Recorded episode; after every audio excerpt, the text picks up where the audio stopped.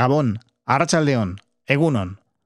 Una semana más te doy la bienvenida a Estamos Dentro, un espacio de entrevistas hogareñas producido por Ulu Media para EITV Podcast. A estas alturas seguro que ya conoces la mecánica, y si no, te la explico raudo y veloz. Todas las semanas metemos en la mochila una grabadora, dos micros y unos cascos y nos colamos en el domicilio de alguna persona interesante para conocerla mejor en su espacio más íntimo, su casa. En este decimoprimer episodio volvemos a Madrid, concretamente a la llamada Colonia de San Cristóbal, el lugar donde vive nuestra anfitriona. Este es el conjunto de los edificios del Parque Móvil de Ministerios de Madrid, con sus viviendas y sus terrazas.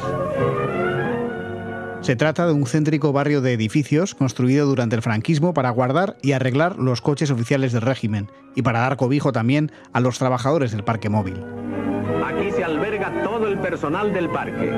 Según se explica en esta película de propaganda con sabor a nodo, las viviendas tenían un precio medio de 120 pesetas y sus moradores podían disfrutar de piscina y frontón.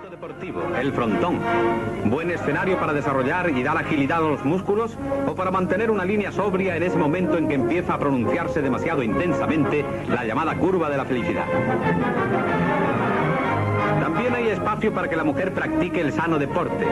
Todavía no se hallan muy expertas en el juego, pero poco a poco lo aprenderán y esperamos que se transformen en verdaderas campeonas.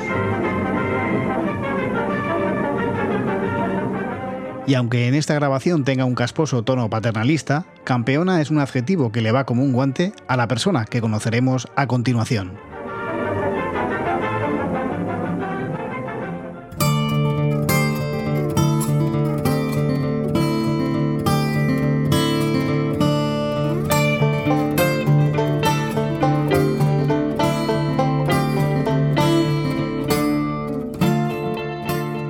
Juan G. Andrés y hoy, en Estamos Dentro, accedemos a la casa de Esti Gabilondo. Creo que enfoqué mal la maternidad porque me entregué demasiado. Puse mi maternidad por delante de todo lo demás y que esto es una opinión que creo que es muy impopular, pero tenía que haberme preocupado por cuidar mi carrera y no lo hice. Este patrón lo veo repetido a mi alrededor en, en un montón de amigas, que es mientras la carrera de ella se ha ido a la mierda, la de él, la de su pareja, se ha disparado. Si me está escuchando alguna mujer embarazada, no te olvides de tu carrera. Por suerte estoy viendo también a chicas eh, bueno, jóvenes de 30 que, están empezando a tener hijos que lo están haciendo bien, que ponen por delante, no por delante, vamos a ver, en el mismo lugar a su maternidad que su propia carrera.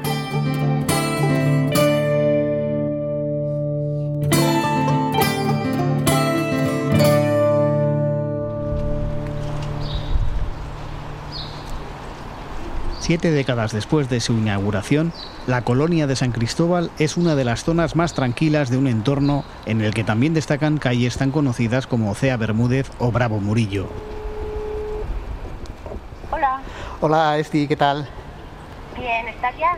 Estoy aquí, sí, la verdad es que eh, tenía razón, es un poco laberíntico, ¿eh? A ver, por eso es que el 41 además es como toda una especie de colonia. ¿Has pasado una iglesia? ¿Dónde estás? Eh, es que estoy, estoy dentro, es casi parece como un- una especie de cuartel o, o así. Allí vive Esti Gabilondo, integrante a su pesar de una saga de periodistas que no necesita presentación, aunque ella sea actriz por vocación y guionista de profesión, además de un sinfín de cosas más. Dentro del laberinto. Eh, hay letras aquí. eh, Tras merodear largo rato por la zona, finalmente damos con su acogedora casa. Vale, eskercasco. Hasta luego.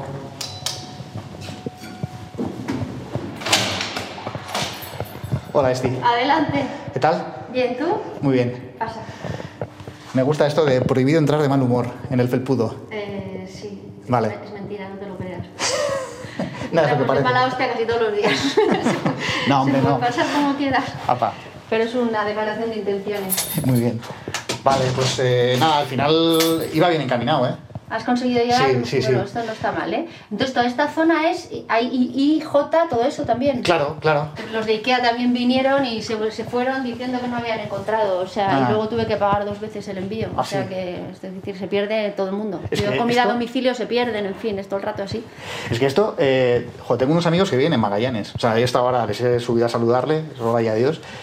Y me decían que esto es eh, como el parque móvil o algo así. Eso es. Esto es una colonia que construyó Franco para toda la gente que trabaja en el parque móvil que está ahí, que es donde están todos los vehículos oficiales. Del Estado, ¿no? De los- Eso es. Entonces construyó para los choferes, los mecánicos que trabajaban ahí. Entonces una colonia como popular, digamos, entonces tiene su propio colegio, iglesia y tal. Y entonces, claro, el tema es que yo me mudé aquí porque el, el barrio me flipa. Está guay porque es Es súper tranquilo. es súper tranquilo porque Claro. no hay tráfico, pero estás en todo el centro. Estás en Quevedo, ahí al Está lado. guay, ¿no? pero lo malo para mí es que queda mogollón de gente mayor que porque estos son 50 portales y queda mogollón de gente súper mayor con mucha mucho olfato olorcillo franquista. Entonces, no, claro, entonces las reuniones de vecinos son un Cristo.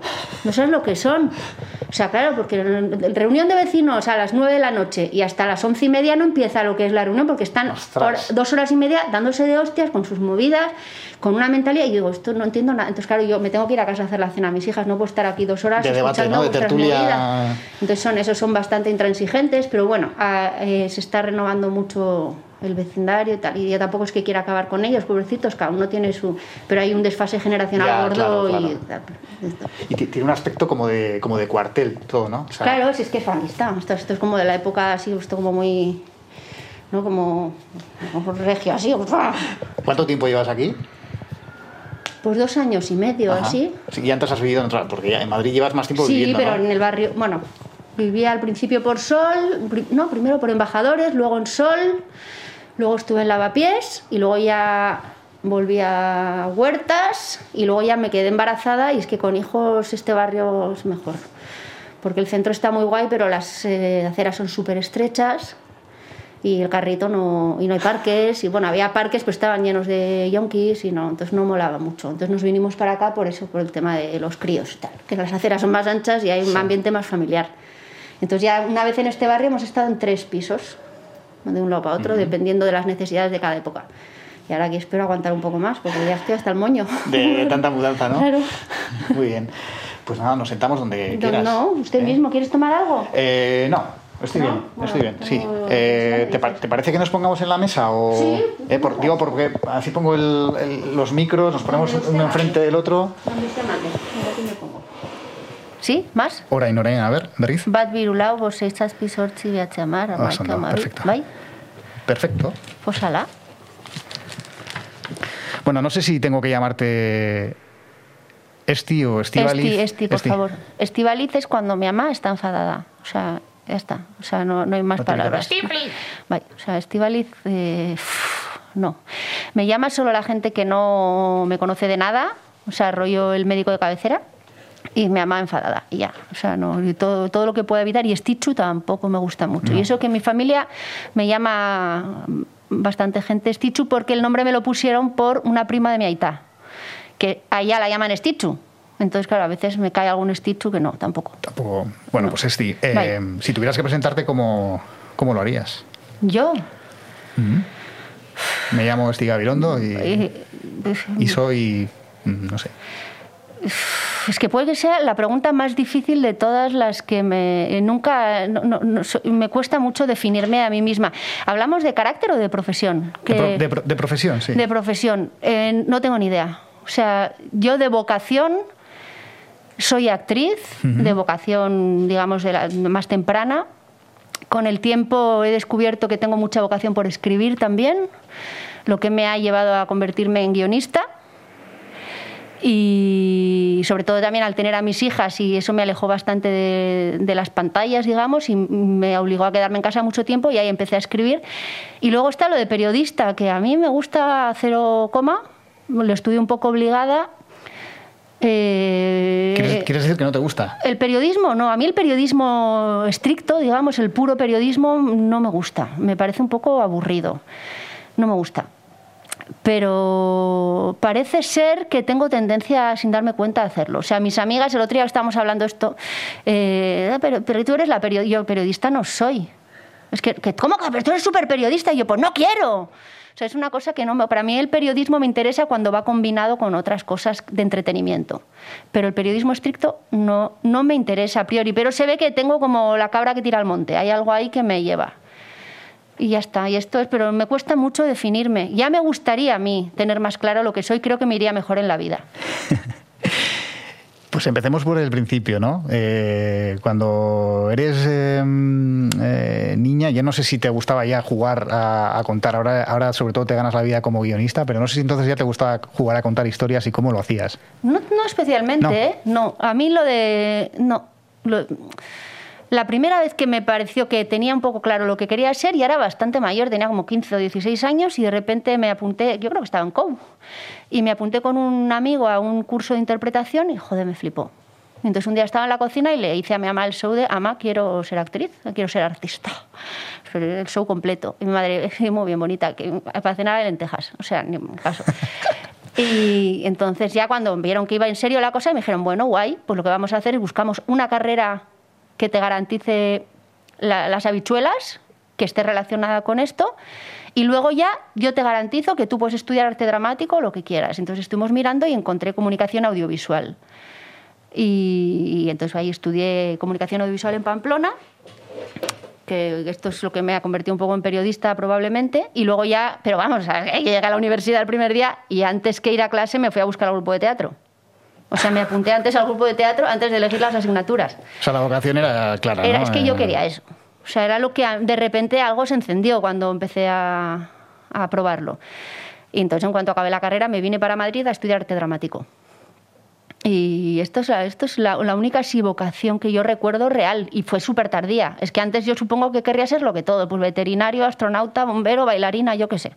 No, no, no recuerdo, no tengo ningún recuerdo claro de haber querido ser nada la opción del periodismo, que es un poco lo que te sugirieron en casa para tener, bueno, pues eh, una especie de plan B o como quieras llamarlo, era un poco la lógica, ¿no? Eh, viniendo de la familia que, vienes. No, pero no, no fue por venir de la familia que vengo, que va, fue por, por tener la vocación que yo tenía. Es decir, si tu vocación es eh, actriz, busquemos algo cercano a eso que sea una carrera, digamos, oficial. Entonces, comunicación audiovisual parece que era muy coherente con eso. ¿Qué pasa? Que el daño colateral era el periodismo, porque eh, comunicación audiovisual tiene una rama de ficción, pero tiene una rama periodística que tiene bastante más peso que la de ficción, en realidad, por lo menos donde yo lo estudié.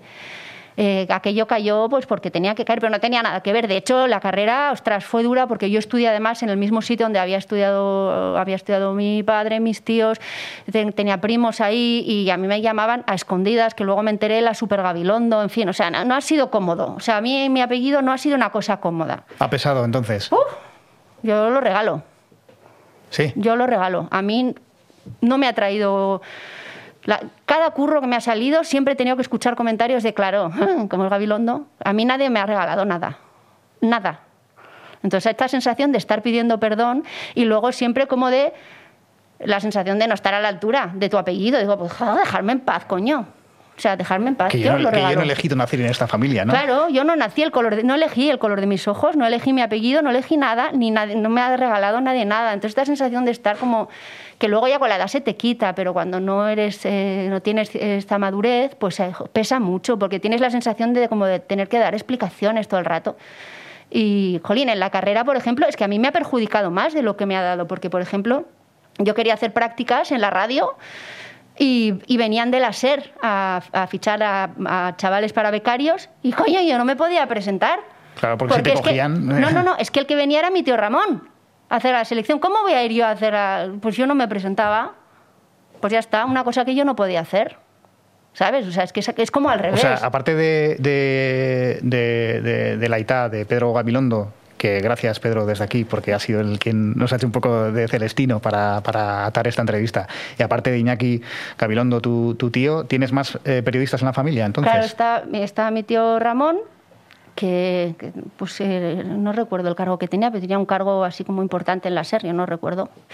Eh, luego está el hijo de Iñaki, que también es periodista, Urco. Bueno, ahora está Hitor Gabilondo también, que yo he pasado de ser la, sobrina de Iñaki ahora a ser la prima de Hitor. Es como, tío, dejarme El, el, creador de Patria. Dejarme en paz. O sea, yo, déjame en paz. O sea, yo me voy a cambiar el apellido. Me voy a apellidar, yo qué sé, Goenaga. O sea, yo qué sé. ¿El segundo apellido cuál es? Cuellar. Cuellar, de la Ma. Vale.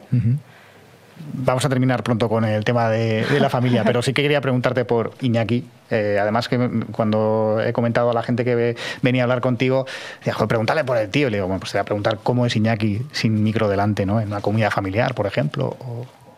A ver, las comidas familiares, eh, cuando se juntan todos los Gabilondo, es un poco intensito. Es que son muchos, además. Son muchos, son nueve hermanos. Eh, hablan mogollón o sea, todos. Entonces aquello es como un jaleo, porque encima están todo el rato contando chistes, se interrumpen uno a otro para contar el chiste más gracioso, no sé qué. Entonces, eh, es, no sé, no es, no sé, sea, si me preguntas por Iñaki en concreto, es que para mí Iñaki forma parte como del todo. O sea, yo cuando pienso en mi tío Iñaki pienso un poco en el, el conjunto Gabilondo. Entonces, para mí todos un poco entran dentro del mismo saco, que es una cosa como muy hay una cosa como muy de piña en la familia eh, eh, y luego esta cosa como de mucha euforia al encontrarse. Mucha euforia porque nos vemos poco y cuando nos juntamos hay una cosa como de, de, interrumpirse todo el rato. O sea, de verdad, intentar meter frase en una comida familiar es imposible. Yo, causa perdida. O sea, ¿para qué? ¿Cuándo soléis juntar? Pues la verdad es que eh, hace, hace tiempo que no, ¿eh? Pero hace tiempo. Y, Antes, cuando vivía mi abuela, era más fácil.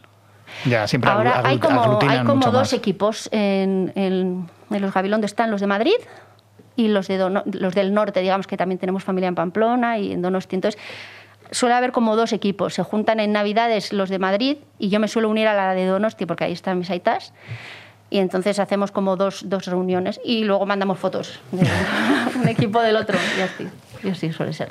Oye, tus, tus tíos, eh, tu tío Iñaki, eh, Laita, no sé, ¿te daban algún tipo de, de consejo que recuerdes que resultó válido? No, no. No recuerdo. A ver, mi Aita toda la vida me ha dado la tabarra con tienes que leer las portadas de los periódicos. Porque ahora es que en el periodismo, vuelvo a decir, pues no mucho. Pero mi Aita siempre me ha dado mucho la tabarra con estate informada. Lee como mínimo la portada de los periódicos y mírate dos o tres informativos, como mínimo. Bueno, eso para un guionista es muy útil. Sí, pero ¿sabes qué pasa? Que con la tontería ahora soy una viciosa de la información. O sea, sobre todo con Twitter. A través de Twitter de repente me he vuelto una enferma de la información. O sea, necesito estar todo el rato al día, al detalle, que es lo que yo nunca hubiera dicho de mí misma. Digo, ¿qué me ha pasado? Debe ser por eso que mis amigos me dicen, pero si tú eres súper periodista, yo, porque estás, al, estás, al tanto, ¿no? Claro, no, es que no puedo, o sea, no puedo, no, me parece que es mi obligación, o sea, es como si no me tomo el café de la mañana, o sea, claro, yo cuando, cuando era reportera de Caiga quien caiga, me acuerdo, tío, que yo hacía mucho sondeo por la calle y pasaba malos ratos y decía, ¿cómo puede vivir la gente sin saber quién, quiénes son los ministros? ¿Cómo pueden, saber sin saber, ¿Cómo pueden vivir sin saber, no sé, las cuatro cosas gordas que están pasando? ¿Cómo votas luego? Ya que eso es mucho que a veces estás con amigos ¿no? que no tienen nada que ver con el gremio y te, y te das cuenta de que la gente no controla de este tipo de, cosas porque están a otras historias. Es que no, es que no controlen, es, es, como una actitud además como de soberbia de a mí que me importa. Hmm. Porque no saber, yo muchas cosas no sé, pero me hago cargo de no saber. o sea, me genera cierta inquietud, digo, ostras, y cierta sensación de responsabilidad. Hmm. A mí lo que me preocupa no es tanto que la gente no esté al tanto, como esta, esta actitud de soberbia de ¿para qué? Porque da una, me da una, una fotografía de, de, un de, un descreimiento social que me preocupa, que me preocupa, porque eh, si no hay una conciencia de lo que está pasando, eh, primero estamos, somos marionetas en manos de los que nos gobiernan. Y, y, van a hacer con nosotros lo que nos dé la real gana. Esto sumado a hmm. toda la movida de las fake news, que al final, o sea, es que, es que esto está, pues estamos en manos de, vaya usted a saber, y no, hay, no tenemos herramientas para protegernos. a mí esto es lo que me preocupa. Menuda chapa, te acabo de dar. Está perfecto. Eh, para terminar con Iñaki. Venga ya. ya de verdad, la última. El otro día, eh, eh, vamos, no sé si está iniciando una lenta retirada, ¿no? El otro día dijo que estaba empachado mm. literalmente de, pues, de, todo el rifirrafe político y demás, ¿no? Y bueno, ya yo creo que ya ha prestado sus servicios también al periodismo, ¿no? Pero ¿le ves retirándose? definitivamente. Ostras, a mí me daría una pena tremenda, ¿eh? A mí me daría una pena tremenda, porque al final, o sea, Iñaki es un foco, o sea, es una luz, digamos, es un... Es que, no, o sea, no sé, su homilía matinal era como... La homilía. Es que era, era, era fundamental, o sea, a mí me, me, ayudaba a hacerme un mapa de situación.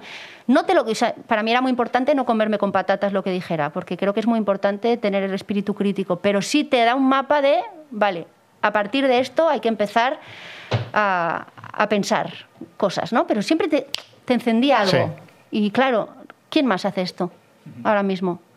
Por eso me da una pena tremenda, o sea, porque neces- necesita un heredero, o sea, pero urgente, y no, no, no sé quién. Bueno, hay gente muy buena, ¿eh? pero no es lo mismo exactamente.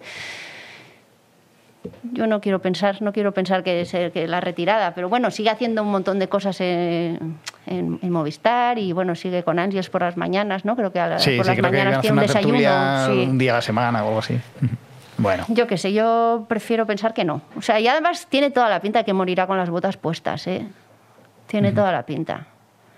Bueno, hablamos de. Vamos a hablar de interpretación entonces, que es realmente lo que tú querías hacer. No sé si a, si a Laita y a la AMA, jo, al final les dio un poco de pena, sobre todo a Laita, porque él ha sido durante muchos años una firma de referencia también en el diario vasco.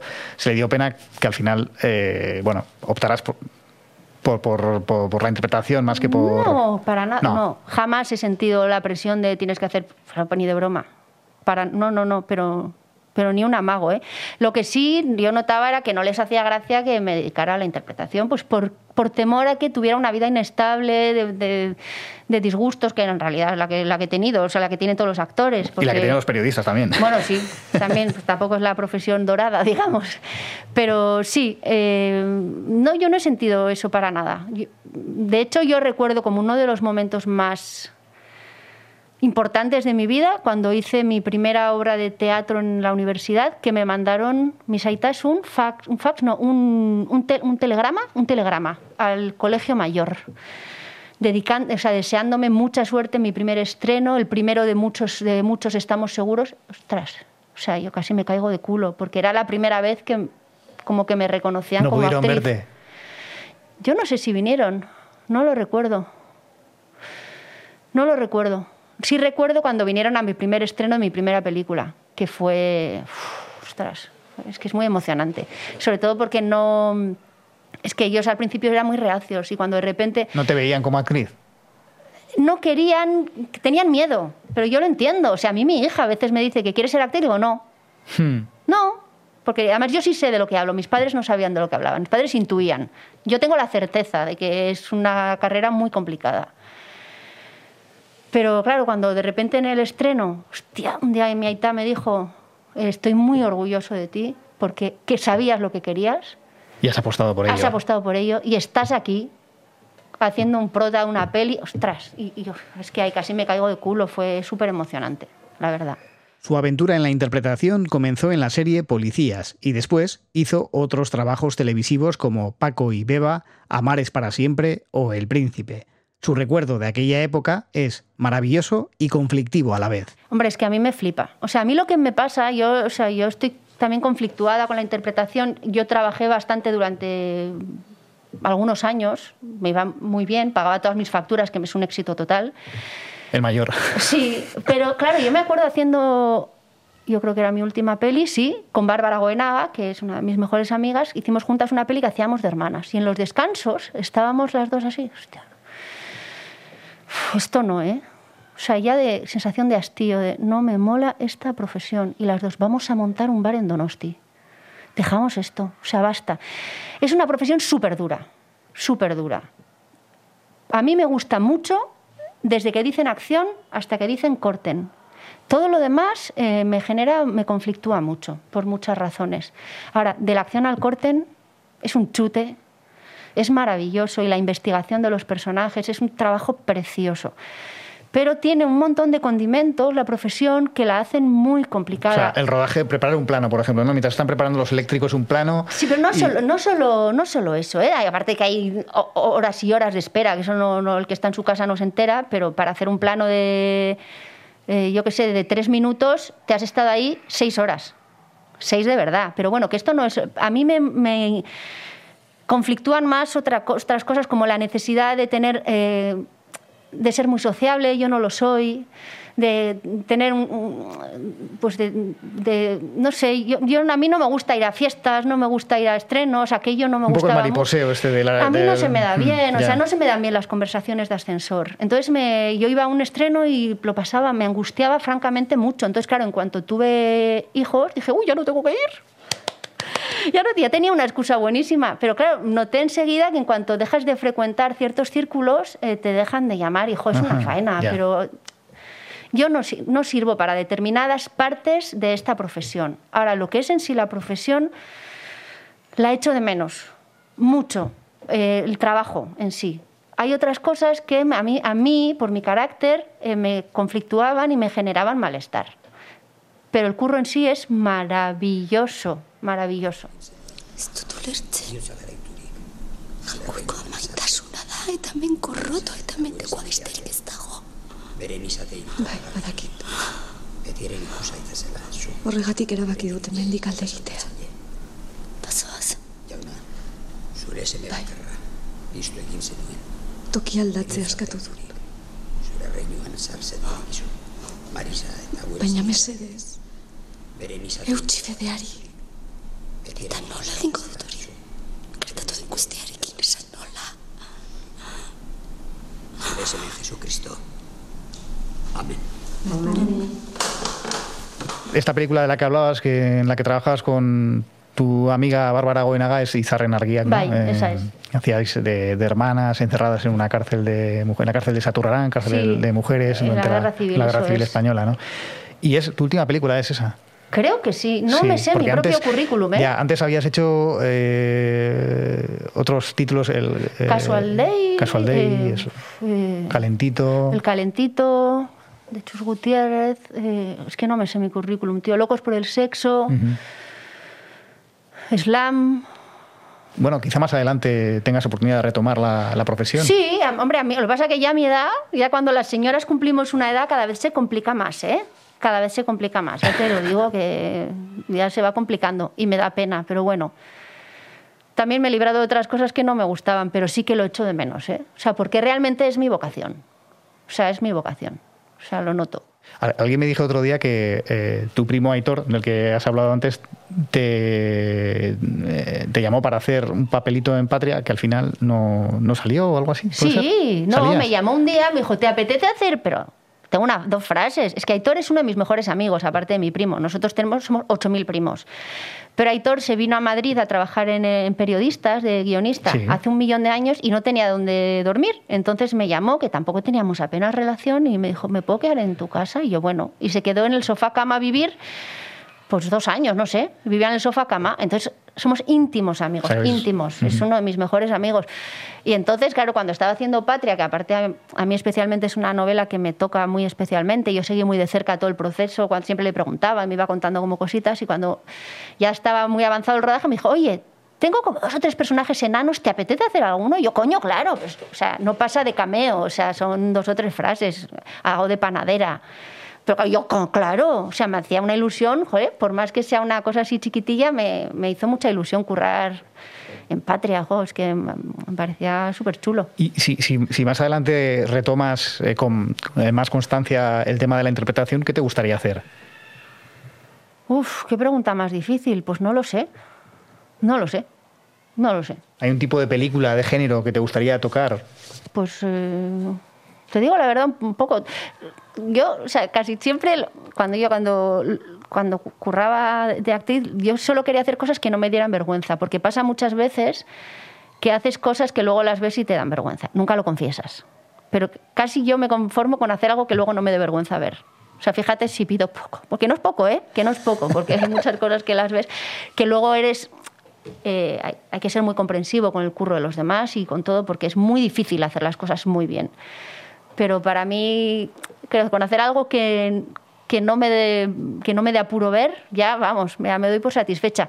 ¿Qué me gusta a mí? Pues no, no lo sé. Eh, yo hacía, hacía muy bien comedia. Fíjate que yo ahora no me veo haciendo comedia, pero me acuerdo que Chus Gutiérrez en su día me dijo, tú eres hoy, que yo, claro, flipé, ese día me fui a casa hinchado como un pollo, tú hoy en día eres la mejor actriz de comedia romántica que existe en este país, me dijo. Y hostia, me fui a mi casa, que digo, y, luego me daba como pena, digo, nunca me llaman para drama, o sea, para, ¿sabes? Que siempre me llaman para comedia, no sé qué, pues, pues yo ahora mismo haría una comedia, lo que sea, es que haría un poco lo que sea, que no me dé vergüenza verlo.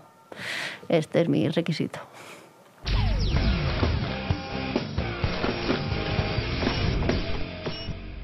Caiga quien caiga se ha acercado hasta Cuesta Cantero, municipio de Cártama, provincia de Málaga. Aquí la sequía es una realidad. Aunque parezca una locura, nuestros denunciantes de hoy van a ser estas cabras. Un indicador del poderío que tiene la televisión es que para muchas personas, Esti Gabilondo continúa siendo la primera mujer, la primera reportera del programa Caiga quien caiga, aunque hayan transcurrido ya más de 10 años desde que pasó por allí. Claro, pero eso tiene que ver con que luego no he hecho nada que sea más relevante que eso. O sea, yo me quedé embarazada al acabar el segundo yo hice dos caiga quien caigas al acabar el segundo me quedé embarazada. Y a partir de ese momento como pasa al 90% de las mujeres la carrera mi carrera se fue a pique. Quizá por una manera de enfocar la maternidad equivocada. Yo ahora 10 años más tarde creo que enfoqué mal la maternidad porque me entregué demasiado o sea lo dejé todo o sea para mí fue o sea, mi principal prioridad puse mi maternidad por delante de todo lo demás. Y ahora mismo, y que esto es una opinión que creo que es muy impopular, pero yo ahora mismo estoy segura de que lo enfoqué mal. Tenía que haberme preocupado por mantener mi por cuidar mi carrera y no lo hice porque estaba muy centrada en, en mi maternidad. Y además me pareció una excusa perfecta para lo que te decía de no tener que hacer todos los deberes, que es que es una cosa que es un poco complicada. Pero claro, la razón por la que a mí, quien piense en mí, ah, coño, es que a mí esto me ha pasado, que, que digo yo, madre del amor, mucha gente me dice, eras mi reportero, o sea, como si yo fuera Baby Jane, ¿sabes? De que fue de Baby Jane, una vieja gloria, digo, Dios, madre mía, qué mal, qué, mal, lo estoy haciendo, que soy una vieja gloria, poca cosa relevante he hecho después. Pero claro, yo tengo claro que en mi escala de valores se dio la vuelta completamente al tener hijos. Y entonces, sí, francamente, creo a día de hoy que hice las cosas, ahora mismo las haría de otra manera. No digo mal, porque no es mal, pero me puse a mí en el último, último, último, último lugar. Y esto veo que este patrón lo veo repetido a mi alrededor en, un montón de amigas, que es mientras la carrera de ella se ha ido a la mierda, la de él, la de su pareja, se ha disparado. O sea, empiezan los dos cuando... Nosotros podemos progresar y, cambiar y, probar cosas, ¿no? Yo no digo que esto sea siempre así, pero en mi vida es un hecho probado que en mi entorno es así. Que todas mis amigas, en el momento en que tuvieron hijos, su carrera se estancó y la de sus parejas se ha disparado hasta arriba. O sea, ellos han crecido muchísimo profesionalmente y mis amigas se han estancado. No digo, no me atrevo a afirmar que esto sea un patrón, pero sí me atrevo a afirmar que esto pasa en mi entorno. Y a mí me ha pasado. Y vuelvo a decir que creo que es porque lo, hemos enfocado mal. Yo, o al menos de una manera que ahora mismo no repetiría. Por suerte estoy viendo también a chicas eh, bueno, jóvenes de 30 que, están empezando a tener hijos que lo están haciendo bien. O sea, que consiguen, que ponen por delante, no por delante, vamos a ver, en el mismo lugar a su maternidad que su propia carrera sí, se puede distribuir el porcentaje, ¿no? Sí, no tiene ser 50 a 50, puede ser... Pero para esto hace falta mucho la, ayuda de tu compañero. Hmm. Y bueno, esto para la, ley, de, la ley que se ha aprobado recientemente de, los permisos de paternidad, creo que esto va a ayudar un montón si se, si se hacen las cosas como tiene que ser. Pero claro, ya si desde el primer momento lo, que, lo que se hace en una casa es que a la semana que es lo que me pasó a mí, tu pareja se va a currar y te quedas tú, ya se generan unos hábitos en esa casa que ponen toda la carga sobre esa mujer que yo estaba recién parida con una cesárea que apenas me podía mover cuando retumbó la puerta de mi chico que se fue a trabajar aquel día lo que retumbó esa puerta todavía me duele en los oídos. Me quedé sola en esa casa con un bebé con toda la casa yo me tenía que ocupar de todo no me podía apenas mover y, y ahí encima se generan unos hábitos que ya son para siempre. Entonces pasan cinco años y tú te sigues haciendo de cargo de todo lo que te has hecho cargo porque durante los primeros meses lo hiciste y se genera una dinámica. Entonces creo que es muy importante que esta ley se aplique como se tiene que aplicar para que se repartan las cosas y las mujeres también eh, se, ocupen de, de sí mismas, coño y de su propia carrera, que yo no sé, o sea, si me está escuchando alguna mujer embarazada, no te olvides de tu carrera, te lo juro. También depende, porque si tú eres, eh, tienes un trabajo más estable, pues es difícil que te tienes que volver al curro a las 16 semanas, porque tienes que volver, pero claro, si eres actriz, eres músico, eres freelance, eres autónomo, yo qué sé, pues no tienes que volver a las 16 semanas. Y se caes en el, en el peligro de generar unas dinámicas que te colocan en un sitio de mierda. Hmm. Y encima tú misma te comes la, la mentira, no sé si es una mentira exactamente, pero bueno, eh, este es un tema sobre el que estoy reflexionando mucho se, y por eso... se ve que lo tienes muy Porque estoy hasta las narices, voy a poner la luz. Nos estamos quedando fuera. Eh, vamos a volver al momento de Caiga quien caiga. Eh, no sé si tú eras fan del Caiga quien caiga original, porque bueno, tú estuviste en, creo que las, no sé, las últimas temporadas, ¿no? Un par de temporadas ah, ya hacia el final, pero no sé si eras ya fan del Caiga quien caiga de Wyoming, de Juanjo de la Iglesia, de Pablo Carbonell. Estaba en la facultad, de hecho yo creo que lo veía desde Pamplona, el de Wyoming, me parece. Sí, bueno, ¿qué te voy a decir? Era maravilla me parecía un formato y además no entiendo, no puedo entender por qué no hay un formato del estilo ahora mismo. Porque, ¿Por qué no hay periodismo incisivo con humor que hay? O sea, aparte del intermedio, hmm. que en realidad es incisivo desde el plató, no hay un cara a cara con los políticos, que me, parece que es importante. No sé por qué no hay. Mm, ahí lo dejo. ¿Qué, recuerdos guardas de esa época? Porque viendo vídeos de, entonces, eh, bueno, tuviste algún encontronazo que otro, ¿no? Sí, tuve algunos gordos. Bueno, con Fabra fue mortal. Lo de Fabra en Castellón fue tremendo. Me hicieron una encerrona gordísima. Compañeros, no, no, si no lo he empujado. Señor Fabra, señor Fabra, me están haciendo un papelón aquí detrás. Señor Fabra, escuche. Muy bien, estupendo. No nos están dejando trabajar. Han impedido que lleguemos hasta donde el señor Fabra se están poniendo violentos. por respirar. Me estoy ahogando porque me están apretando mucho. Vamos. Fabra sabía que íbamos a ir y entonces hizo ir al pleno, al pleno de no sé, normalmente iban como 10 o 15 personas y de repente ahí aparecieron 800 personas. Entonces los, periodistas habituales decían, ¿qué coño pasa aquí? Claro, que Fabra se había enterado que íbamos y entonces hizo venir a toda su gente que al acabar el pleno, para que yo no llegara a Fabra para poder ponerle el micro, me rodearon y me impedían el paso, pero hasta el punto de que yo no podía respirar. Y mientras había unos de Intereconomía que para que yo no entrevistara a Fabra me estaban entrevistando a mí, o sea, me metían el micro a mí en la boca para que yo no pudiera eh, hacerle la entrevista a Fabra. Y entonces tuvieron el valor de publicar que yo les había pegado a ellos. Entonces había un momento en el que yo movía el micro, que yo estaba hasta, o sea, completamente rodeada de gente, en un momento moví el micro y entonces pusieron la imagen para adelante y para atrás y parecía que yo le había dado con el micro. Que era, o, sea, o sea, el absurdo máximo. Era todo como un despropósito y fue aquello fue un momento bastante estresante. O sea, yo me asusté. ¿Algún empujón de guardaespaldas también he visto en, en YouTube? Eh. Bueno, de todo, claro. Nosotros nos vetaban en todas partes. Entonces, claro, todos los guardaespaldas, todos esos séquitos que acompañan siempre a los políticos, eh, nos, bueno, a ver, sí que había mucho encontronazo físico y de todo. Pero claro, yo es que iba a muerte. A mí me daba igual morir ahí en la batalla. Yo iba a muerte, yo sabía lo que tenía que conseguir y no me paraba. No era fácil pararme porque sabía lo que quería. Y aparte creía mucho en lo que hacía. Me parecía muy importante.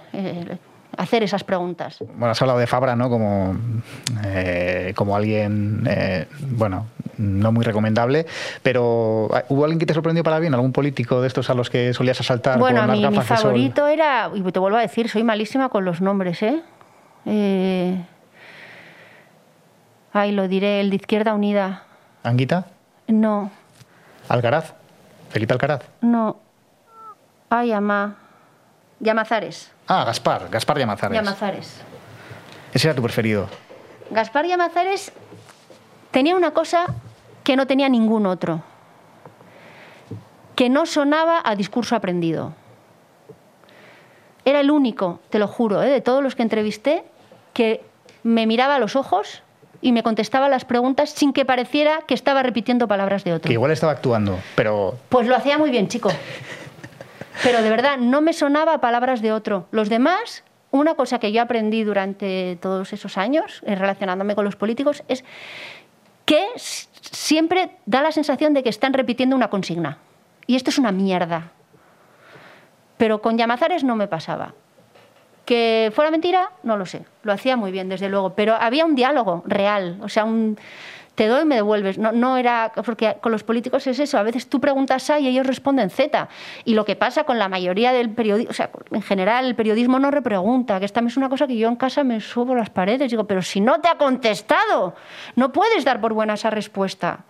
Si tú le estás preguntando si te gustan los espaguetis y, te dice mañana iré al cine, digo, no, no puedes pasar a otra pregunta.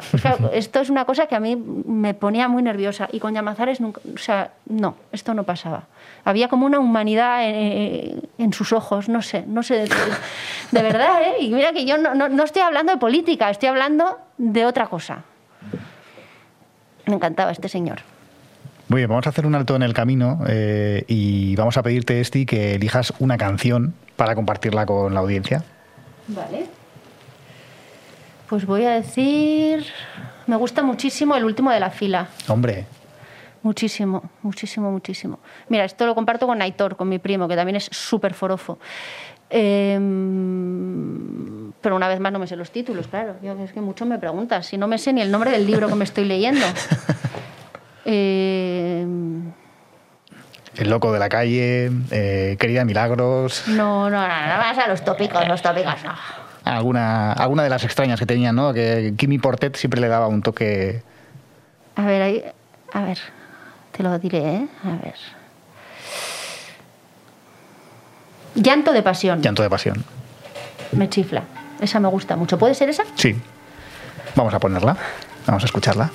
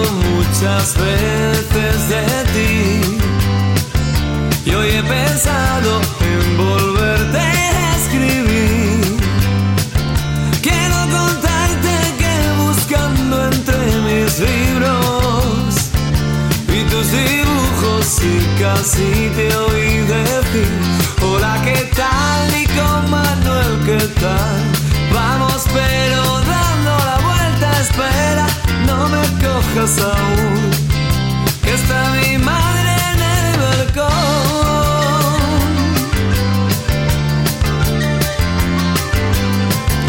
Yo vivo en el mismo lugar.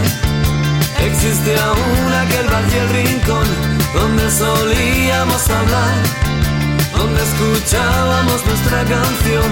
Ahora ya no van a merendar los de la fábrica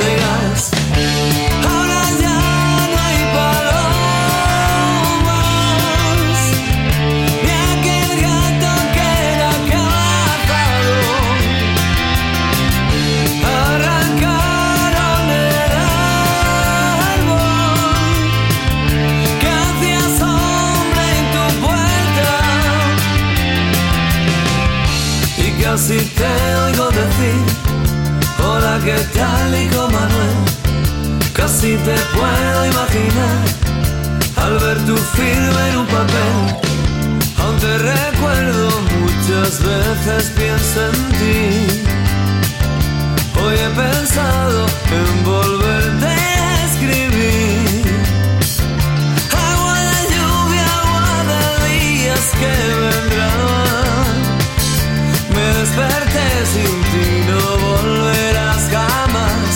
Adiós Manuel, con Manuel me voy hacia el fondo al mar de la nada y yo aquí tendido estoy.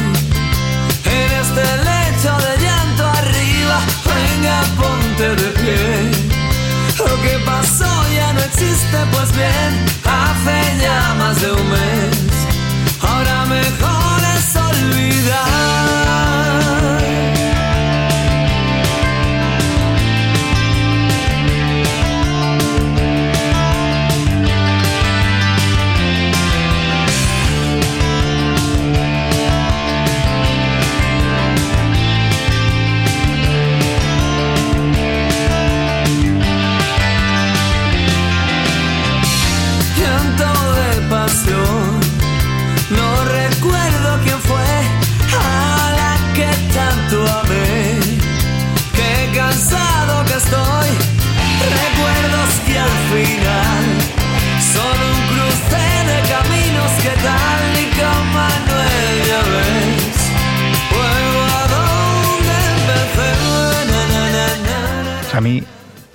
García no me, no me gusta. ¿Por qué? No sé. Vete de mi casa. Pero- Fuera de mi casa. Pero el último de la fila me gusta mucho. Fue mi tercer concierto en el. En el bueno, fue mi primer, con- mi primer concierto sin, sin el Aitá, porque siempre me llevaba él. En el Velódromo de Anoeta. Y flipé con Astronomía Razonable. Eh, que bueno, ya luego se disolvieron. Pero me gustaba mucho. Manuel García no. ah, Ay, a mí sí. lo he entrevistado varias veces y tal, y es un tío súper bajo, pero musicalmente, o sea, es, eh, para mí eran los dos. O sea, Manolo García tiene como el, la parte más convencional, me parece a mí, y el, y el otro, el Kimi Portet, le daba ese toque más especial. Bueno, son pájaras mías, A pero... mí Manolo como me gusta hasta que me pegue, no sé cómo expresa todo, todo, me va bien todo, todo lo que haga.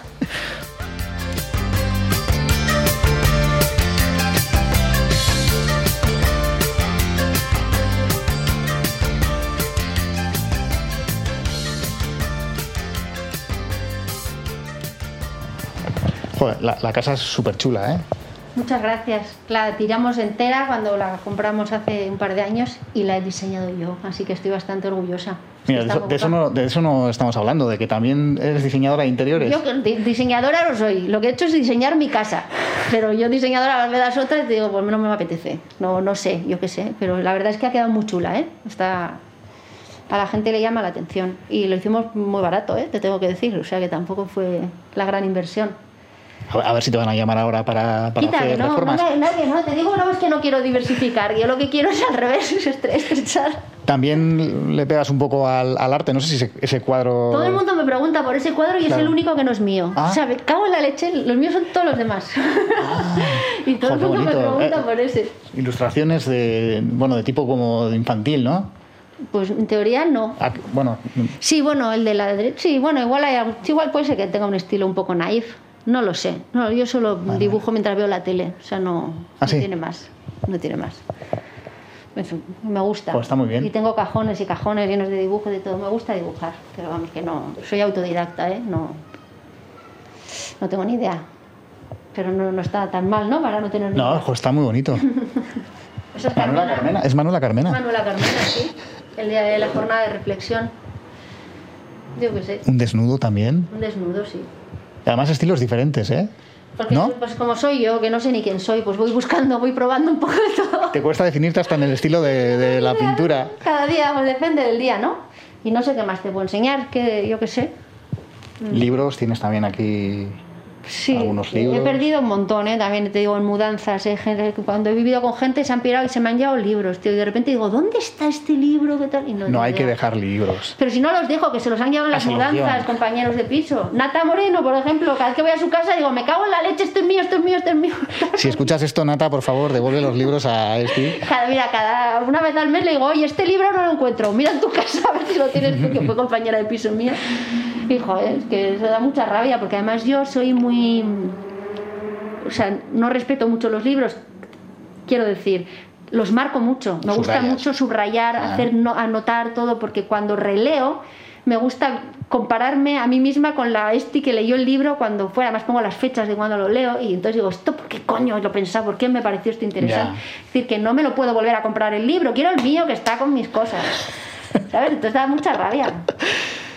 Oye, con, eh, con tus, a tus hijas las has tenido aquí en Madrid. eh, ¿Les hablas en euskera? Lo he intentado con todas mis fuerzas, tío, pero me sale regu. Con la mayor lo intenté poco, pero con la peque lo estoy intentando más y bastante bien. O sea, bastante, me, me- o sea, me entiende bastante bien, ¿eh? O sea, y cuando va a Donosti y le hablan, digo, bien. Lo que pasa es que al final eh, casi le hablo con las órdenes de, vaya a lavarte los dientes, tráeme eso, hazme no sé qué, pero si de repente me siento a hablar de filosofía, pues no va a entender nada. Pero sí procuro, intento, pero es que al final aquí estoy sola, o sea, parece que estuviera hablando un Sí, idioma sí. inventado, entonces es, eh, es muy difícil. Pero lo que no consigo mucho es que me responda en euskera. O sea, consigo ura, mesedes y cosas así, así como sueltas, ya me va diciendo, pero es difícil. Ahora cuando voy a Donosti le pego más fuerte porque encima ya habla con B que no, no me estoy inventando el idioma. O sea, que hay gente que ratifica que eso significa algo. Porque aquí, claro, la niña flipa y dice, ¿esta qué me dice? Entonces salir allí, pues ya... Y yo sobre todo quería que aprendiera euskera para que fuera, cuando vamos a Donosti, pueda ir a los udalecus y a los campamentos, y porque casi todos piden euskera, muchos. Entonces para que no se sintiera un poco extraña. Y yo quería pues, que aprenda euskera para poder deshacerme de ella en verano, pero así por esa. ¿Y te gustaría volver a Donosti? Sí y no, sí no. Donosti es guay, tiene mucha calidad de vida, pero es que aquí hay... Es muy estimulante Madrid. Es muy estimulante. Y luego el curro, es que hay más curro aquí que allí. Entonces, claro. Y luego a mis hijas, es que no sé si ya están un poco mayores, igual me Ya están haciéndose aquí sus amistades y Pero sus sí que en. Donosti está muy bien. Es verdad que Donosti, yo cuando voy soy muy feliz. Quiero ser la rana de todos tus cuentos. Tengo intriga a qué te dedicas. Lo primero es ser feliz y lo segundo es ser feliz y lo tercero también. He probado la sangre. Era de mi, mi última pareja. Uh, soy feo, ¿vale? A simple vista no soy el hombre de tu vida, pero estiloso. Es súper rico. Tras prodigarse como articulista en El País, escribir la novela A un palmo del suelo y presentar el programa de reportajes Reiniciando, últimamente su trabajo se centra en el terreno del guion. Entre otros programas, ha escrito para espacios como El jefe infiltrado, First Dates o Este un príncipe para Corina que escuchábamos de fondo. Tiene pinta de que os lo pasáis bien. eh, Bueno, creo que ellos se lo pasan bien. Y es que como escribo todo en mi casa, o sea, hasta el punto de que hacen cenas y se olvidan de llamarme, digo, coño, que no me habéis avisado. ¡Ay, perdona! Porque eh, yo, yo, a mí me dan el programa acabado para que yo escriba. o sea, tú yo- escribes un poco los, los- los apoyos, los, los- Claro, yo las escribo transiciones. las transiciones. Por ejemplo, en Ven a cenar conmigo, yo escribo la voz en off de Luis La Rodera. Eh, claro, a mí me dan ya eh, el, el- el programa o sea, editado con todo, entonces yo al Te final- dejan el hueco y tú vas introduciendo ahí, ¿no? Sí, Pero esas o frases no, son. incluso sin hueco. Ah, Quiero decir, tú pon donde creas que hace falta una transición o donde creas que hace falta un comentario y tal. Entonces, eh, bueno, es, guay porque yo trabajo desde mi, casa ahora que estamos medio, así, medio confinados, pero siempre he trabajado en bares. Yo me voy a un bar, me llevo mi ordenador, mis cascos y entonces, claro, la gente me flipa porque yo estoy ¡guau! llorando de risa sola en una mesa y, escribiendo todas las cosas que se me ocurren. Pero claro, yo no me relaciono con... A ver, más o menos sé quiénes son los que hacen el programa. Muchos de ellos los conozco hace muchos años porque son del equipo de Caiga quien caiga, porque es la misma productora. Porque yo cuando me quedé embarazada me dijeron, no puedes hacer pantalla, pero quieres escribir para nosotros. Y dije, claro. Y entonces ahí es cuando empezó mi relación con ellos como guionista. Y entonces, nada, yo me lo paso piruleta. O sea, pero piruleta. Me parece que me ha tocado, vamos, el Mi gordo. mayor duda, Esti, es: esos personajes que aparecen en esos programas, te lo preguntarán muchos amigos o gente Son cercana. de verdad. Son de verdad, no son actores, tienen que ser actores y Vamos a actrices. ver, yo te vuelvo a decir, yo trabajo desde casa. Pero, por ejemplo, Un príncipe para Corina, yo escribía en Un príncipe para, que hay varios, o ¿Quién quiere casarse con mi hijo? Todos estos.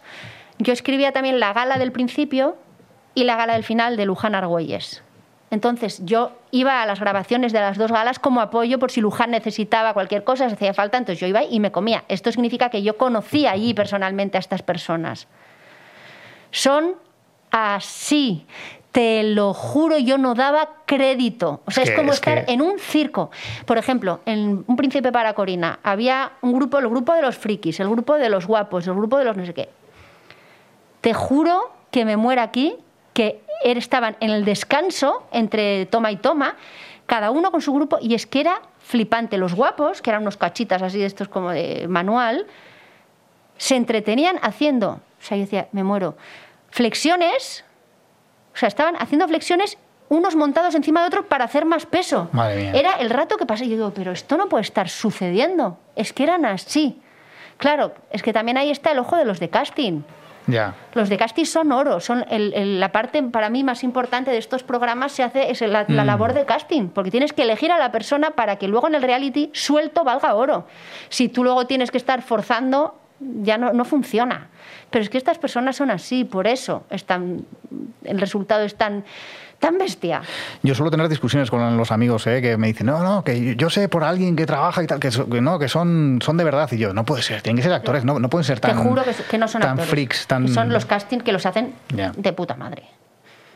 Claro, si tú coges a un tío rarísimo, decir rarísimo, perdón, no quiero faltar respeto a nadie, pero gente con que tiene unas características muy determinadas y, y- y, coño, y que solo ya él en sí mismo es un show, pues tú lo juntas con otros tres que en sí mismos son un show y solo tienes que darle al rec. Ahora sí, lo que hacen los guionistas durante la grabación es dar pautas para que aquello, decir, que no, la grabación no sea 40 horas. Entonces, pues hoy vamos a ir a una librería eh, a escoger un libro para Corina. Me estoy inventando ya que estamos con el tema de Corina. Entonces se los llevan ahí y bueno, pues eh, mirad en esos de ahí que igual hay Lorca para ver qué saben de Lorca. Me estoy inventando. Mirad por ahí. Entonces ya más o menos les, tú les, les, Ya, sí, les le- o sea, guían. es- eh, eh, lo que sí que están es un poco dirigidos, ¿no? Hombre, porque si no serían 5.000 horas de grabación. Entonces lo que haces es un poco dirigirlos, pero ya los sueltas. Luego ya tú los sueltas y les dejas solos, pero que de verdad que, es que no hace falta mucho para que hagan cosas, porque son personajes que están muy bien elegidos. Y están predispuestos a dar espectáculo. no o- predispuestos, o ¿qué- qué que deseando. Claro, quieren eh, salir en la tele. Es que yo no te- o sea, esto es lo que yo me he preguntado siempre. Digo, ¿por qué van estas personas aquí? O sea, pues porque tienen como mucha ansia por salir en la tele. Entiendo que lo que más querrán en la vida es eh, ir a hombres, mujeres y viceversa. No lo sé, es que no lo sé. Pues son cosas distintas a las que quiero yo, evidentemente. Intento comprender por qué ellos se mueven eh, por lo que se mueven, pero la única explicación que tengo es que tienen como mucha sed de que les miren. Ahora, claro, cuando se hacían estos programas no había Instagram, cuando tenía tanto peso. Yo entiendo que ahora con Instagram se quitarán un poquito el- la ansiedad y podrán mostrarse más, no lo sé. Son teorías mías que no sé si tienen mucho valor. Esti Gabilondo, ¿qué tal? Pues yo súper bien. ¿Cómo estás? No tengo nada de calor. Nada de nada. Nada, nada, nada. Vengo directa de Donosti y no he notado la diferencia. Ahí está lloviendo. Ahí ¿O está no? lloviendo Está hoy nublado. no, pero es otoño. Entonces yo he pasado una especie de Ecuador en algún lugar de la carretera que no me he enterado, me he bajado el coche y en de otro clima, estoy en ¿no? Sudáfrica. Bueno, a ver, no sé qué ha pasado. ¿Cómo vienes hoy? A ver, de Pues con vengo gazapos. tan contenta. ¿Por qué? Porque tengo otro fichaje. No me digas. He ¿qué fichado fichaje? a otro. yo- es que no sé si Nacho y Chapo No, vosotros conocéis, no, no sabéis. Yo, cada, yo estoy fichando a gente en mi equipo de kamikazes del lenguaje. Entonces, eh, la primera persona que fiché fue la reina Leticia, porque es una correctora Mm, kamikaze como sí, yo. sí. Luego había un señor que ya no me acuerdo cómo, fíjate qué mal llevo lo de mi equipo, si somos cuatro y no me sé los nombres. Bueno, un señor que en Twitter, eh, en vez de consolar a una mujer cuyo padre se estaba muriendo, le corrigió una falta de ortografía. Muy bien. Y luego esta semana, sí, este, hombre, ver, este ¿a era- este yo directamente lo nombré presidente. Pero es que, joder, esta semana ha pasado una cosa muy importante. ¿El qué? ¿Qué ha pasado? A Que, ver. que es que el, el idioma español tiene un nuevo faro, tiene un nuevo Adalid. Adalid tiene el- el- esta semana el español tiene. Tiene. Bueno, tiene a Tony Cantó. Claro, hombre, Tony Cantó no podía faltar en Tenemos a equipo. Tony Cantó y he tenido que ficharlo. Eh, trabajas ahora en la radio, básicamente, ¿no? Estás, eh, te he escuchado últimamente en, Sí, en Radio Nacional. ahora en Radio Nacional en, estoy, sí. eh, Malas Ta- Influencias, tienes una sección Malas Influencias Sí. en eh, Tarde, lo que tarde. Eso en es, Radio las Nacional. tardes de Radio Nacional. Digamos que eh, has optado por el, por el guion, pero sigues interpretando. Es que no, es que, que es lo que te digo, que es que es mi vocación. O sea, a mí me, me gusta mucho. Casi, o sea, es una especie de mezcla de eso de guionista y tú eres la intérprete de tus propios guiones, ¿no? Hombre, la radio sí, claro. En la radio. Sí, sí, sí. Bueno, y si me llamaran para hacer pantalla en cualquier otro lugar y escribir mis guiones, pues que también lo haría. O sea, si me, si me dejan, lo hago. Creo que puedo hacerlo, vaya, que es que me gusta. Eh, creo que es mejor defender tú tus propios guiones, al final, porque los escribes sabiendo sabiendo lo que quieres, ¿no? Lo que quieres obtener de ellos, pero Y siempre, Sí, desde, el, siempre desde el prisma del humor. es que es lo que me gusta, pero yo no soy cómica ni lo quiero ser, pero no puedo evitar mm, ponerle un poquito de, gracia al tema. Es que no lo puedo evitar, o sea, pero no, no, insisto, yo no soy cómica, no me, no me siento identificada con el gremio. El año pasado estuve trabajando en un programa para Vodafone de guionista y, entonces eh, era una especie de late night en el que había mucho cómico ahí, entonces estuve, me relacioné mucho con, yo nunca había tenido relación con cómicos, jamás, y de repente vi que es que aquello es un mundo, eh, ostras, no- y me di cuenta claramente yo no soy esto, pero me parece fenomenal, ¿por ¿eh? qué, por qué? ¿Qué es lo que viste que no te gustó? No, no es que no me gustara, ¿eh? pero vi que yo no, no tengo No nada encajas. que ver. eh, no es, no es, eh, mi, objeto, mi, o sea, mi objetivo en la vida no es hacer un chiste gracioso. Quiero decir, jo, está sonando un poco mal esto porque me parece maravilloso lo que hacen ellos, pero yo no me siento capaz de hacer eso.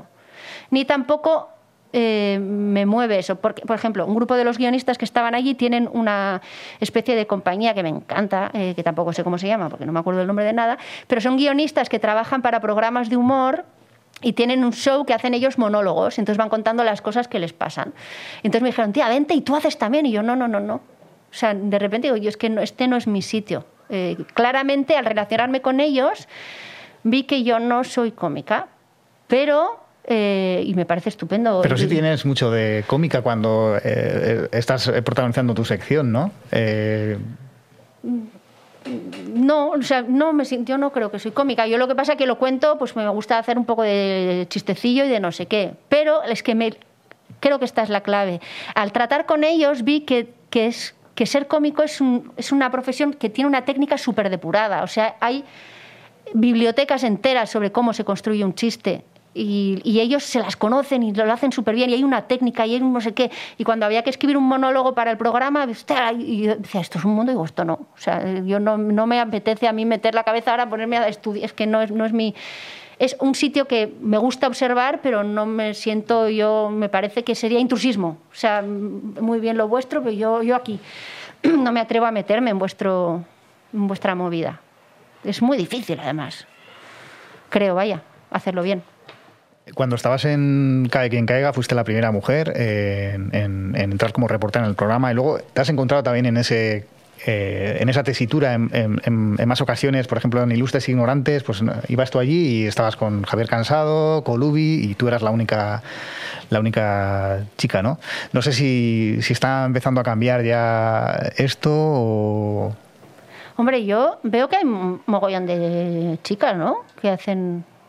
O sea, yo de toda la vida me he llevado muy bien con los chicos, ¿eh? También decir que yo me he sentido muy cómoda entre hombres siempre, siempre. Eh, pero... mm, Tus- tus que- por ejemplo, eh, tus referentes eh, en el humor, ya que estamos hablando de, de humor, eh, ¿eran masculinos o, o tenías también ya algunos referentes femeninos? Es que no, te- es que no, es que nunca ha sido mi referente el humor. Esto es lo que te estoy como tratando de explicar. La primera vez que me encontré con el humor fue el año pasado en este programa, que empecé a tratar con cómicos y digo, uy, coños, esto es un mundo en sí mismo. No les había prestado atención. Entonces no, no te puedo decir referentes porque no les había prestado rea- realmente atención. O sea, otra cosa es que a mí me gusta, yo qué sé, me gusta hacer el, chiste, pero que no, no tengo ni puta gracia, además, es que no sé, no, no, no, no creo que tengo ni puta gracia. Pero no tengo referentes realmente. Yo sí que veo que ahora hay muchas chicas, lo que pasa es que yo ahora estoy, eh, eh, me estoy quitando de madre y estoy tratando de recuperar el tiempo perdido. Entonces estoy poniéndome mucho las pilas en ver qué está pasando. Y estoy empezando a descubrir a gente ahora recientemente. O sea, yo no te voy a poder hablar mucho de gente que mola, pero estoy aprendiendo. A mí hay una chica que me gusta mucho que se llama Enara Álvarez, que es una cómica maravillosa, a mí me hace muchísima gracia. Y no solo graciosa, es que dice verdades como puños. Luego También está- habla mucho de maternidad. Coño, es que la maternidad es lo que tiene, pero ella lo está haciendo de puta madre, por ejemplo. Hombre, también te digo que era muy graciosa porque todo lo hace su marido, ¿sabes? Que ella siempre dice, yo no sé ni poner una lavadora, pues igual se está pasando un poco de, de rosca, ¿no? Pero que, que- que es guay, pero hay, hay otras chicas, eh, postureo, Living Postureo, Norman Victoria, es que no me sé los nombres, pero hay como Percebes y Grelos, hay una serie de chicas que jo, son como mm, 10 años más jóvenes que yo, entonces yo ahora estoy intentando ver qué está pasando porque es que he estado 10 años ausente de todo y estoy viendo que hay mogollón de tías que molan mogollón. Ahora, hace cinco años había, es que yo estaba otra cosa, mariposa, entonces no, te, no tengo ni idea, no te sé decir. En, en el campo de los, del, en el campo del guion también, eh, ¿tú te has sentido acompañada de más, de más mujeres? eh, o- eh, o- Sí, no, es que yo siempre trabajo, es que soy una isla, tío, es que trabajo sola. Eso, es un poco triste. Eh, desde, desde hace un año y pico he entrado a trabajar en el departamento de ficción de una productora que se llama La Caña Brothers.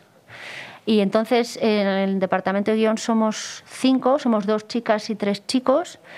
Y con la otra chica, enseguida fue como, o sea, nos pegamos, o sea, fue, y fue muy bonito currar, pero muy chulo currar en equipo, porque además ella es una tía súper feminista y con, una visión del mundo que me ha enseñado mogollón, porque yo estoy aprendiendo a ser feminista, entonces a ver el mundo de- desde el sitio que me parece que tiene que ser.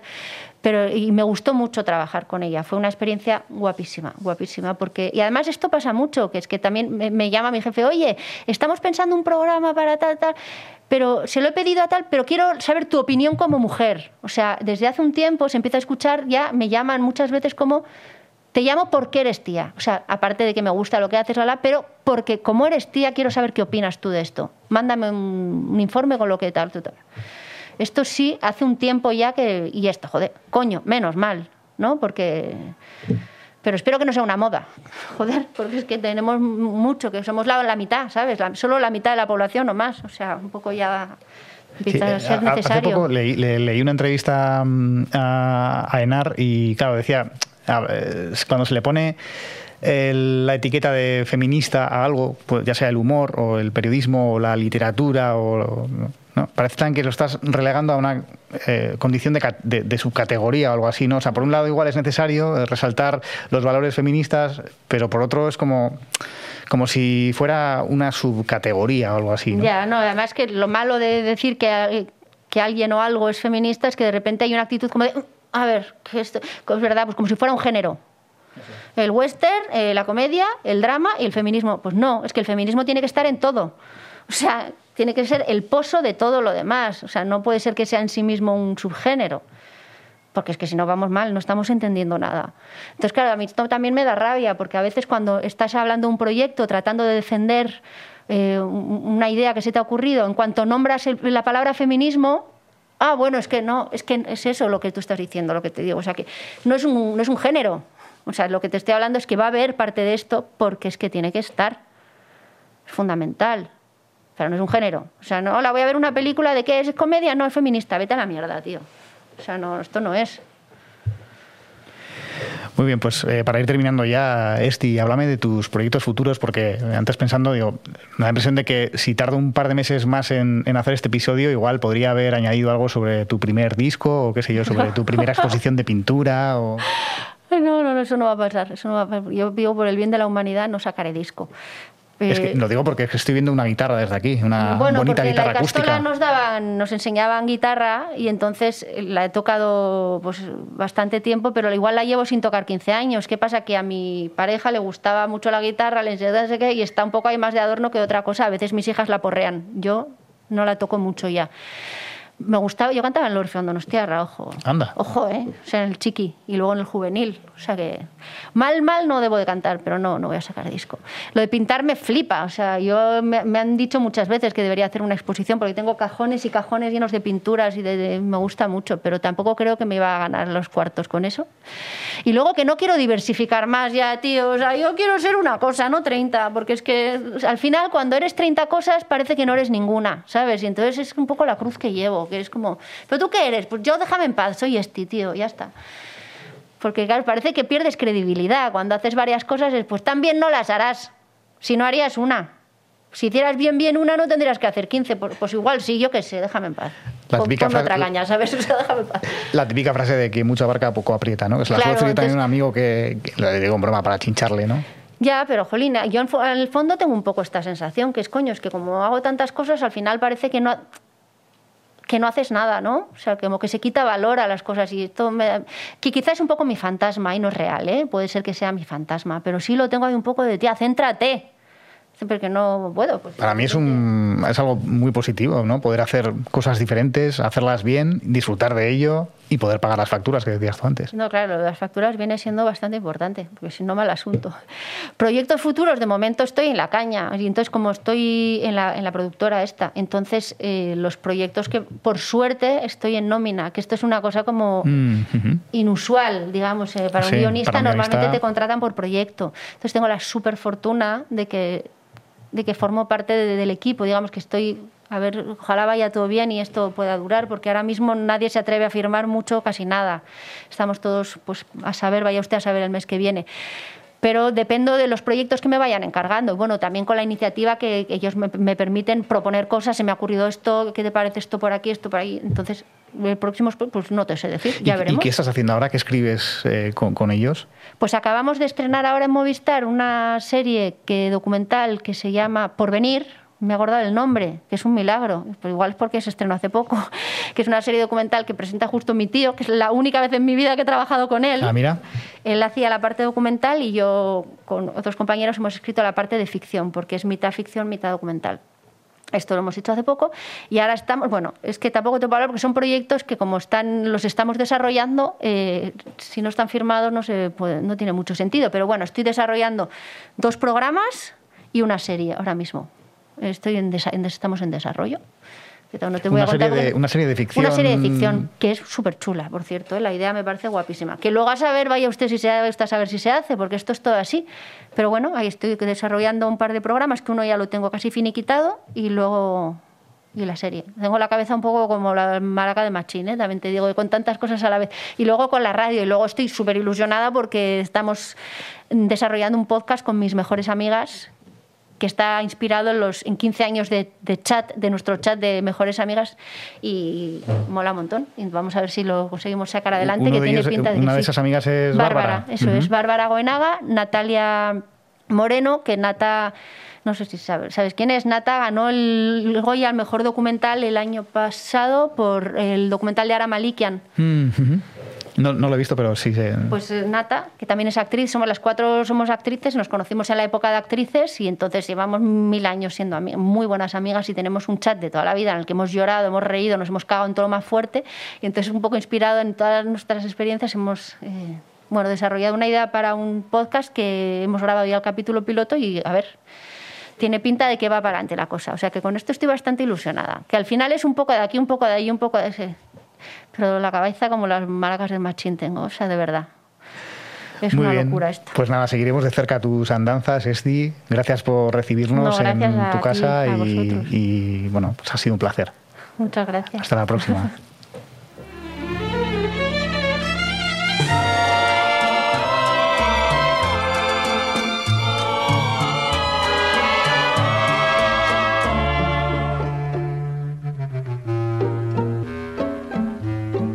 Y así, al ritmo de Machín y sus celebérrimas maracas, termina este episodio de Estamos Dentro, cuyo podcast siamés es Barruan Gaude, dirigido por mi compañero y amigo Oyer Aranzábal. Si te ha gustado o al menos interesado, suscríbete en ITV Podcast o en tu plataforma de audio favorita, donde puedes escuchar también los capítulos anteriores. Hasta la semana que viene, cuídate mucho. toda una vida te estaría mimando, te estaría cuidando como cuido mi vida, que la vivo por ti. No me cansaría de decirte siempre, pero siempre, siempre que eres en mi vida ansiedad, angustia, desesperación. Toda una vida me estaría contigo. No me importa en qué forma, ni dónde, ni cómo, pero junto a ti.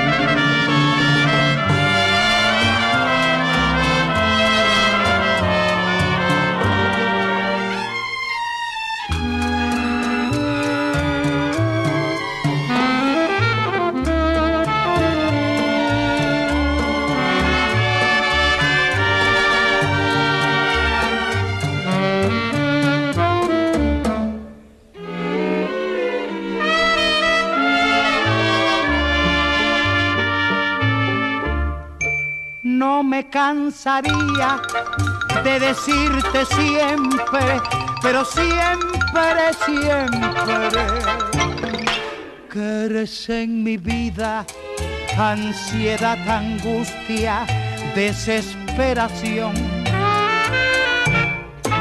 Toda una vida me estaría contigo. No me importa en qué forma, ni dónde, ni cómo, pero junto a